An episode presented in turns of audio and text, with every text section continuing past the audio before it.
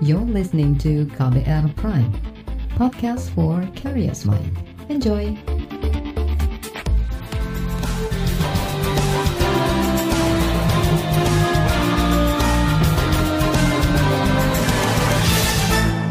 Halo saudara, senang sekali kami bisa menyapa Anda kembali dalam program KBR Sore edisi Selasa 18 Mei 2021. Saya Sindu Darmawan kembali menemani Anda selama kurang lebih 30 menit ke depan. Sore ini kita akan membahas soal perintah Presiden agar 75 pegawai KPK yang tak lolos tes wawasan kebangsaan TWK tidak dipecat. Ini menyusul adanya kabar bahwa KPK akan memberhentikan pegawai yang tak lolos TWK. Selain Presiden, banyak pihak yang juga mengecam langkah KPK. Apalagi pertanyaan dalam tes wawasan kebangsaan dianggap melenceng dari tugas-tugas KPK dan cenderung melecehkan dan mendiskriminasi.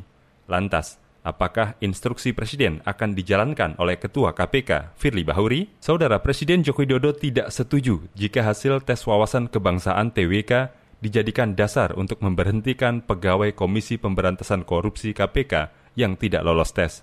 Saat ini, 75 pegawai KPK yang tak lolos tes sudah dibebas tugaskan oleh pimpinan KPK. Jokowi mengatakan, alih status pegawai KPK menjadi ASN seharusnya bisa membuat upaya pemberantasan korupsi lebih baik lagi. Berikut pernyataan Presiden Joko Widodo kemarin. Komisi Pemberantasan Korupsi KPK harus memiliki SDM SDM terbaik dan berkomitmen tinggi dalam upaya pemberantasan korupsi. Oleh karena itu, pengalian status pegawai KPK menjadi aparatur sipil negara ASN harus menjadi bagian dari upaya untuk pemberantasan korupsi yang lebih sistematis. Hasil tes wawasan kebangsaan terhadap pegawai KPK hendaknya menjadi masukan untuk langkah-langkah perbaikan KPK, baik terhadap individu-individu maupun institusi KPK, dan tidak serta-merta dijadikan dasar untuk memberhentikan 75 pegawai KPK yang dinyatakan tidak lolos tes. Kalau dianggap ada kekurangan, saya berpendapat masih ada peluang untuk memperbaiki melalui pendidikan kedinasan tentang wawasan kebangsaan dan perlu segera dilakukan langkah-langkah perbaikan pada level individual maupun organisasi. Jokowi juga meminta agar pimpinan KPK bersama Menteri Pendayagunaan Aparatur Negara dan Reformasi Birokrasi serta Kepala Badan Kepegawaian Negara BKN merancang tindak lanjut hasil asesmen TWK tanpa merugikan hak pegawai KPK. Saya sependapat dengan pertimbangan Mahkamah Konstitusi dalam putusan pengujian Undang-Undang Nomor 19 Tahun 2019 tentang perubahan kedua Undang-Undang KPK yang menyatakan bahwa proses pengalian status pegawai KPK menjadi ASN tidak boleh merugikan hak pegawai KPK untuk diangkat menjadi ASN. Saya minta kepada para pihak yang terkait, khususnya pimpinan KPK, Menteri PAN RB, dan juga Kepala BKN untuk merancang tindak lanjut bagi 75 pegawai KPK yang dinyatakan tidak lulus tes dengan prinsip-prinsip sebagaimana yang saya sampaikan tadi. Menanggapi perintah Jokowi, pimpinan KPK sepakat akan menjadikan hasil tes wawasan kebangsaan sebagai masukan untuk langkah perbaikan lembaga dan individu KPK. Wakil pimpinan KPK Nurul Gufron melalui keterangan tertulis mengatakan lembaganya akan melanjutkan koordinasi dengan Kementerian PAN-RB, BKN, dan lembaga terkait lainnya. Gufron mengatakan KPK juga menyambut baik pesan Presiden bahwa proses pengalihan pegawai KPK menjadi ASN tidak boleh merugikan hak pegawai, sebagaimana putusan Mahkamah Konstitusi. Saudara, asesmen TWK merupakan salah satu rangkaian dari alih status pegawai KPK menjadi aparatur sipil negara ASN. Ada lebih dari 1.300-an pegawai yang mengikuti tes yang digelar Badan Kepegawaian Negara BKN sepanjang 18 Maret hingga 9 April 2021. Dari tes tersebut, 75 pegawai dinyatakan tidak memenuhi syarat salah satunya penyidik senior KPK, Novel Baswedan. Di bagian berikutnya, kami hadirkan laporan khas KBR mengenai desakan pencabutan SK pembebas tugasan pegawai KPK hingga ancaman dari pegiat anti korupsi. Tetaplah di KBR sore. You're listening to KBR Pride, podcast for curious mind. Enjoy.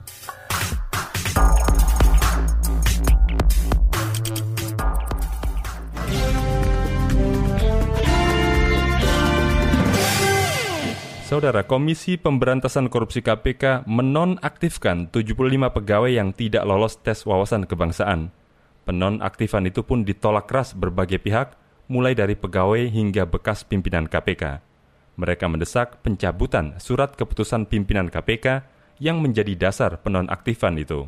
Berikut laporan khas KBR yang disusun jurnalis Siti Sadida Hafsyah. Alih status pegawai KPK menjadi aparatur sipil negara ASN melahirkan polemik berkepanjangan.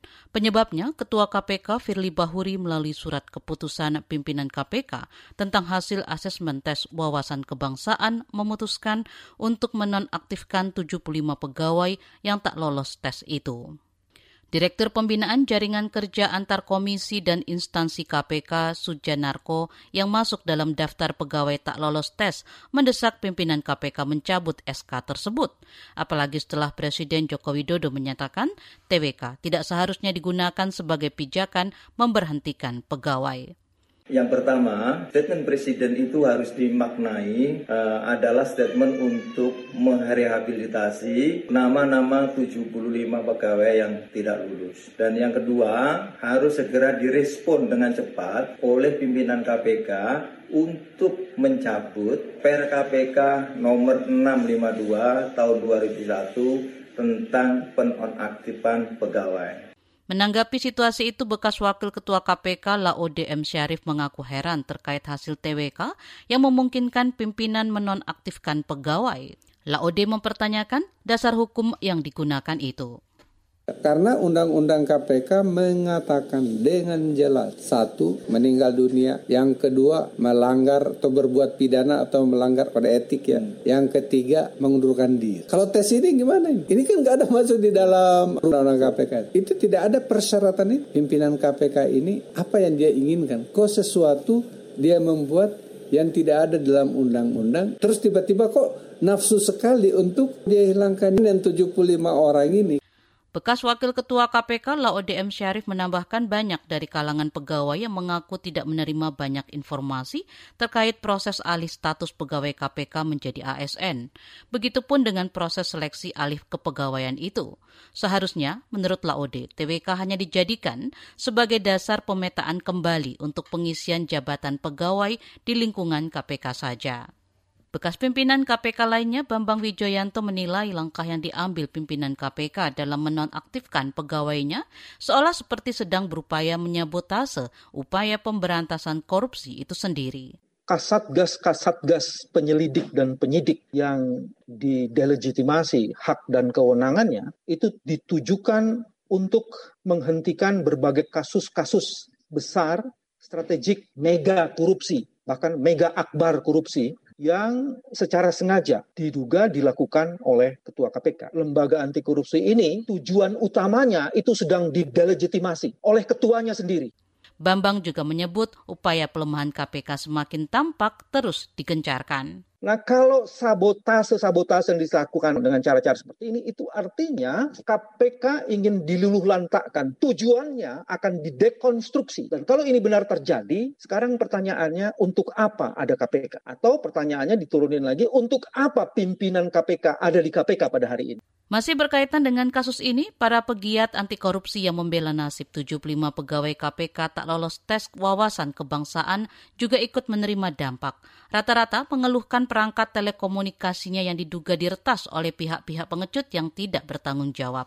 Bambang Wijoyanto misalnya, dia mengeluhkan telepon genggamnya diduga diretas saat hendak mengikuti konferensi pers yang diselenggarakan Lembaga Pemantau Korupsi di Indonesia ICW kemarin. Begitu juga sejumlah aktivis ICW mengalami hal serupa. Peneliti ICW Kurnia Ramadana mengungkapkan terjadi sedikitnya sembilan pola pertasan sepanjang acara konferensi pers ICW bertema menelisik pelemahan KPK melalui pemberhentian 75 pegawai ada Kur beberapa upaya untuk masuk ke dalam Telegram dan WhatsApp staf ICW. Ada upaya peretasan itu ketika berhasil masuk ke dalam media Zoom malah diputar beberapa gambar dan video yang tidak senonoh. Kurnia menjelaskan hal serupa sebelumnya juga pernah terjadi saat para pegiat anti korupsi aktif menyuarakan kritik tajamnya dalam pemilihan pimpinan KPK atau revisi Undang-Undang KPK. Ia menduga gangguan dilakukan oleh pihak-pihak yang tidak sependapat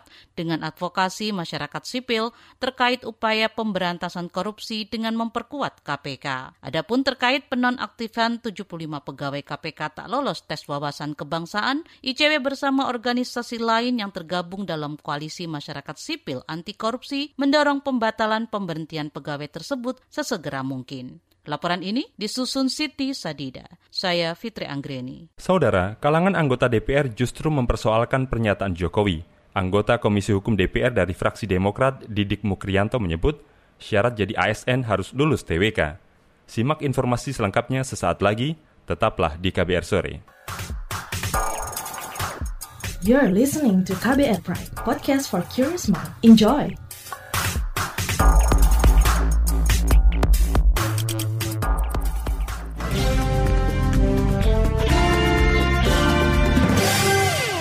Terima kasih Anda masih bersama kami di KPR Sore. Saudara Komisi Hukum DPR mendorong agar Presiden Joko Widodo mengikuti aturan mengenai alih status aparatur sipil negara terkait dinonaktifkannya 75 pegawai KPK. Anggota Komisi Hukum DPR dari fraksi Demokrat Didi Mukrianto menyebut, bakal calon ASN harus memenuhi syarat lolos uji intelijensia hingga tes wawasan kebangsaan. Menurutnya, apabila pada proses alih status pegawai KPK justru menggugurkan pegawai yang berprestasi, maka Presiden Jokowi diharapkan memberikan diskresi. Berikut perbincangan jurnalis Mutia Kusumawardani dengan anggota Komisi Hukum DPR Didik Mukrianto. Ini Pak, Presiden Jokowi kan telah menyatakan tidak menyetujui 75 pegawai KPK yang tidak memenuhi syarat TWK itu dicopot dari KPK. Ini tanggapan Anda seperti apa? Syukur Alhamdulillah saya ucapkan karena ini satu hal membuktikan komitmen dan konsistensi pemimpin negara kita, presiden kita, Pak Jokowi, yang menunjukkan komitmen dan konsistensinya gitu dalam menguatkan pemberantasan korupsi begitu ya, satu sisi gitu. Namun di sisi lain kan presiden harus memastikan sikap dan political will beliau ini harus tetap mempertimbangkan segenap ketentuan-ketentuan perundang-undangan yang mengatur mengenai alih status uh, menjadi ASN sebagaimana yang berlaku juga terhadap yang lain-lain yang dalam hal ini juga harus mempertimbangkan peraturan uh, Menteri Pan RB nomor 37 tahun 2018. Jangan kemudian political will ini juga menabrak apa yang sudah ditetapkan gitu. Nah, memang sudah menjadi sebuah harapan kita semuanya ketika political will presiden untuk menguatkan pemberantasan korupsi ini memang menjadi tanggung jawab presiden. Ya. Nah, nah, pada saat ketika proses formal ASN atau alih status pegawai KPK ini ternyata mungkin belum bisa sepenuhnya mengakomodasi seluruh pegawai KPK eh, dan menyisakan beberapa orang yang pada kenyataannya beliau-beliau yang tidak terkeluar tersebut mempunyai integritas, dedikasi, dan rekam jejak yang terbukti dan tidak diragukan lagi, maka dalam konteks ini, kalau memang itu dirasakan uh, akan mengganggu penguatan pemberantasan korupsi kita, maka presiden bisa mengambil solusi terhadap kebuntuan yang ada gitu tanpa harus melanggar hukum gitu. Pak, DPR akan memanggil pimpinan KPK untuk mengatasi kekisruhan pengalihan status ASN ini nggak Pak? Ya, kebetulan eh, banyak hal yang memang harus kami eh, rapatkan dengan para mitra kami termasuk KPK. Kami di DPR sudah mengagendakan akan eh, melakukan rapat dengan pendapat. Karena apa? Bahwa pemberantasan korupsi ini tidak boleh berhenti. Untuk itulah bahwa eh, memastikan itu kami sudah mengagendakan rapat itu termasuk tentu karena memang alih status ini Eh, menjadi diskursus publik yang cukup panjang, iya. kemudian ada yang uh, berpandangan bahwa ini bisa membahayakan laju pemberantasan korupsi, maka kami ingin memastikan apakah alih status itu betul-betul di, sudah dilaksanakan secara transparan, dilaksanakan secara profesional, dilakukan secara akuntabel begitu. Yang terpenting adalah bahwa rekrutmen atau alih status bagaimana diamanahkan oleh undang-undang ini dijalankan sesuai dengan standar-standar yang umum. Karena jangan sampai kemudian terjadi anggapan-anggapan bahwa alih status ini prosesnya sengaja didesain untuk e, memarginalkan orang, ya. didesain untuk mengambil keputusan subjektif. Ini penting gitu. Pak, kemudian kan kalau dari hasil pengujian MK soal Undang-Undang KPK baru ini mengamanatkan agar uh, apa namanya pengalihan status ASN ini tidak merugikan pegawai KPK. Nah, kalau misalnya ada pegawai-pegawai yang dinonaktifkan, ini bisa diartikan bahwa merugikan pegawai KPK nggak sih, Pak? Pasti. Eh, saya pastinya begini. Saya pasti apa yang diputuskan MK itu sama dengan semua orang termasuk saya dan kami di DPR gitu bahwa proses alih statusnya tidak boleh merugikan uh, siapa pun termasuk pegawai KPK. Makanya Eh, pelaksanaan proses alih status ini juga harus dilakukan secara terbuka begitu, dilakukan secara akuntabel gitu, iya, iya. dilakukan sesuai mekanisme dan proses yang memang betul-betul uh, sudah ditetapkan sebagaimana layaknya rekrutmen PNS yang lain. Tidak boleh kemudian pick and choose, tidak boleh kemudian tidak adil begitu. Nah itulah pemaknaan bagaimana dengan uh, keputusan MK itu bahwa uh, alih status ini tidak boleh merugikan pegawai. Saya setuju. Itu tadi anggota Komisi Hukum DPR dari fraksi Demokrat Didik Mukrianto. Saudara, banyak pihak menilai hasil tes wawasan kebangsaan tak relevan digunakan sebagai dasar untuk memberhentikan 75 pegawai KPK yang terbukti berintegritas. Simak perbincangan dengan Guru Besar Fakultas Hukum Universitas Gajah Mada, Sigit Rianto, sesaat lagi. Tetaplah di KBR Sore. You're listening to KBR Pride, podcast for curious mind. Enjoy!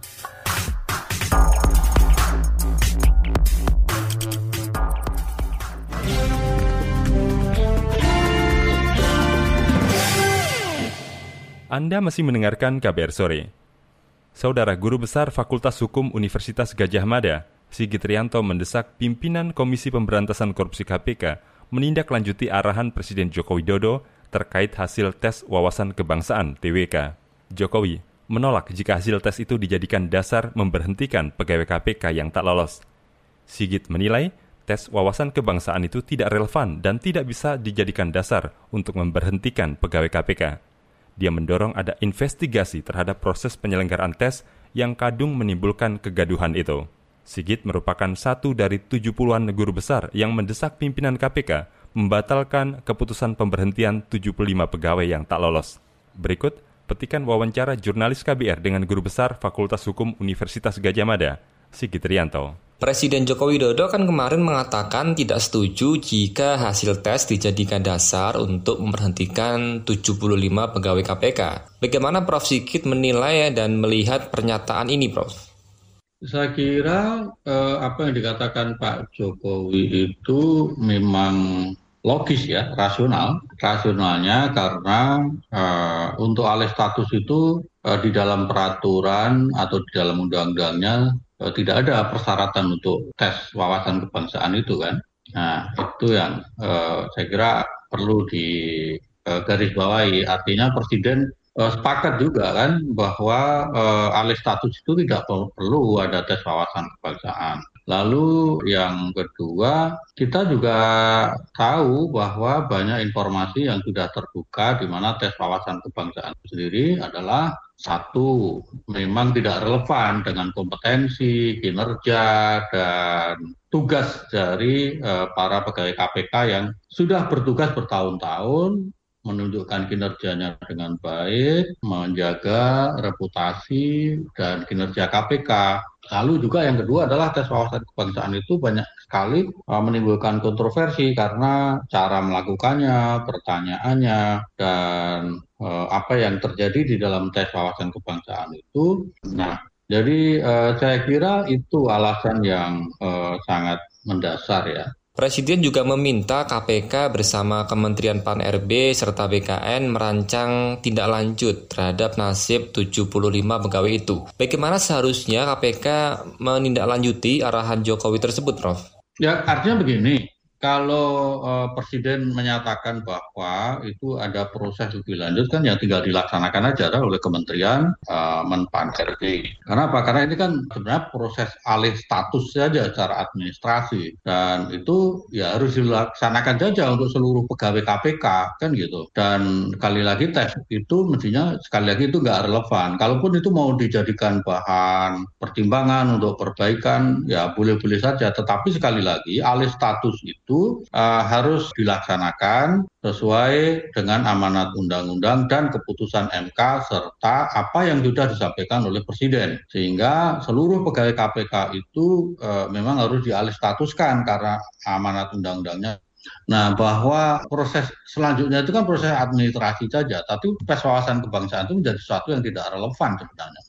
Artinya setelah ada pernyataan Pak Presiden, 75 pegawai KPK harus segera kembali bertugas ya Prof setelah kemarin dibebas tugaskan oleh pimpinan KPK. Oh iya, itu kan alih status saja dari yang semula uh, tidak ASN menjadi ASN, tapi tugas, fungsi, dan tanggung jawabnya tetap harus berlanjut, tidak boleh uh, dirubah, dikurangi, uh, karena kan itu justru akan mengganggu uh, kinerja KPK dan melemahkan pemberantasan korupsi karena akan terjadi apa, gangguan terhadap mereka-mereka yang sudah bekerja lalu ada kontraksi terhadap uh, posisi dan status mereka. Itu menurut tidak perlu terjadi karena itu justru melemahkan upaya pemberantasan KPK karena akan terjadi penundaan dan pengalian uh, tanggung jawab kasus dan yang lain-lain. Itu jelas akan me melemahkan upaya pemberantasan korupsi. Tidak sebagaimana yang diamanatkan di dalam undang-undang maupun apa yang dikendaki oleh presiden maupun kita semua kan. Perlukah Prof dibentuk satgas untuk menginvestigasi begitu polemik tes wawasan kebangsaan ini?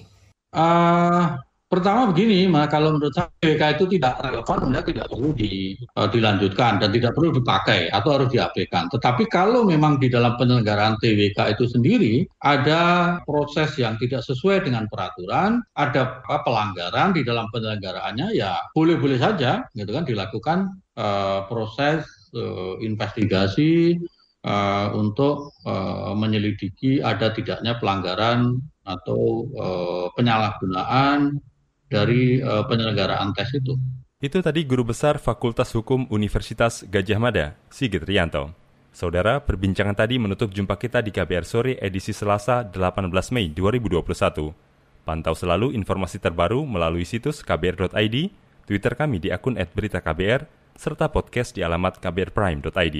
Jangan lupa untuk tetap mematuhi protokol kesehatan dengan 5M, memakai masker, menjaga jarak, mencuci tangan dengan sabun, menjauhi kerumunan, dan mengurangi mobilitas. Saya Sindu Darmawan bersama tim yang bertugas undur diri. Salam.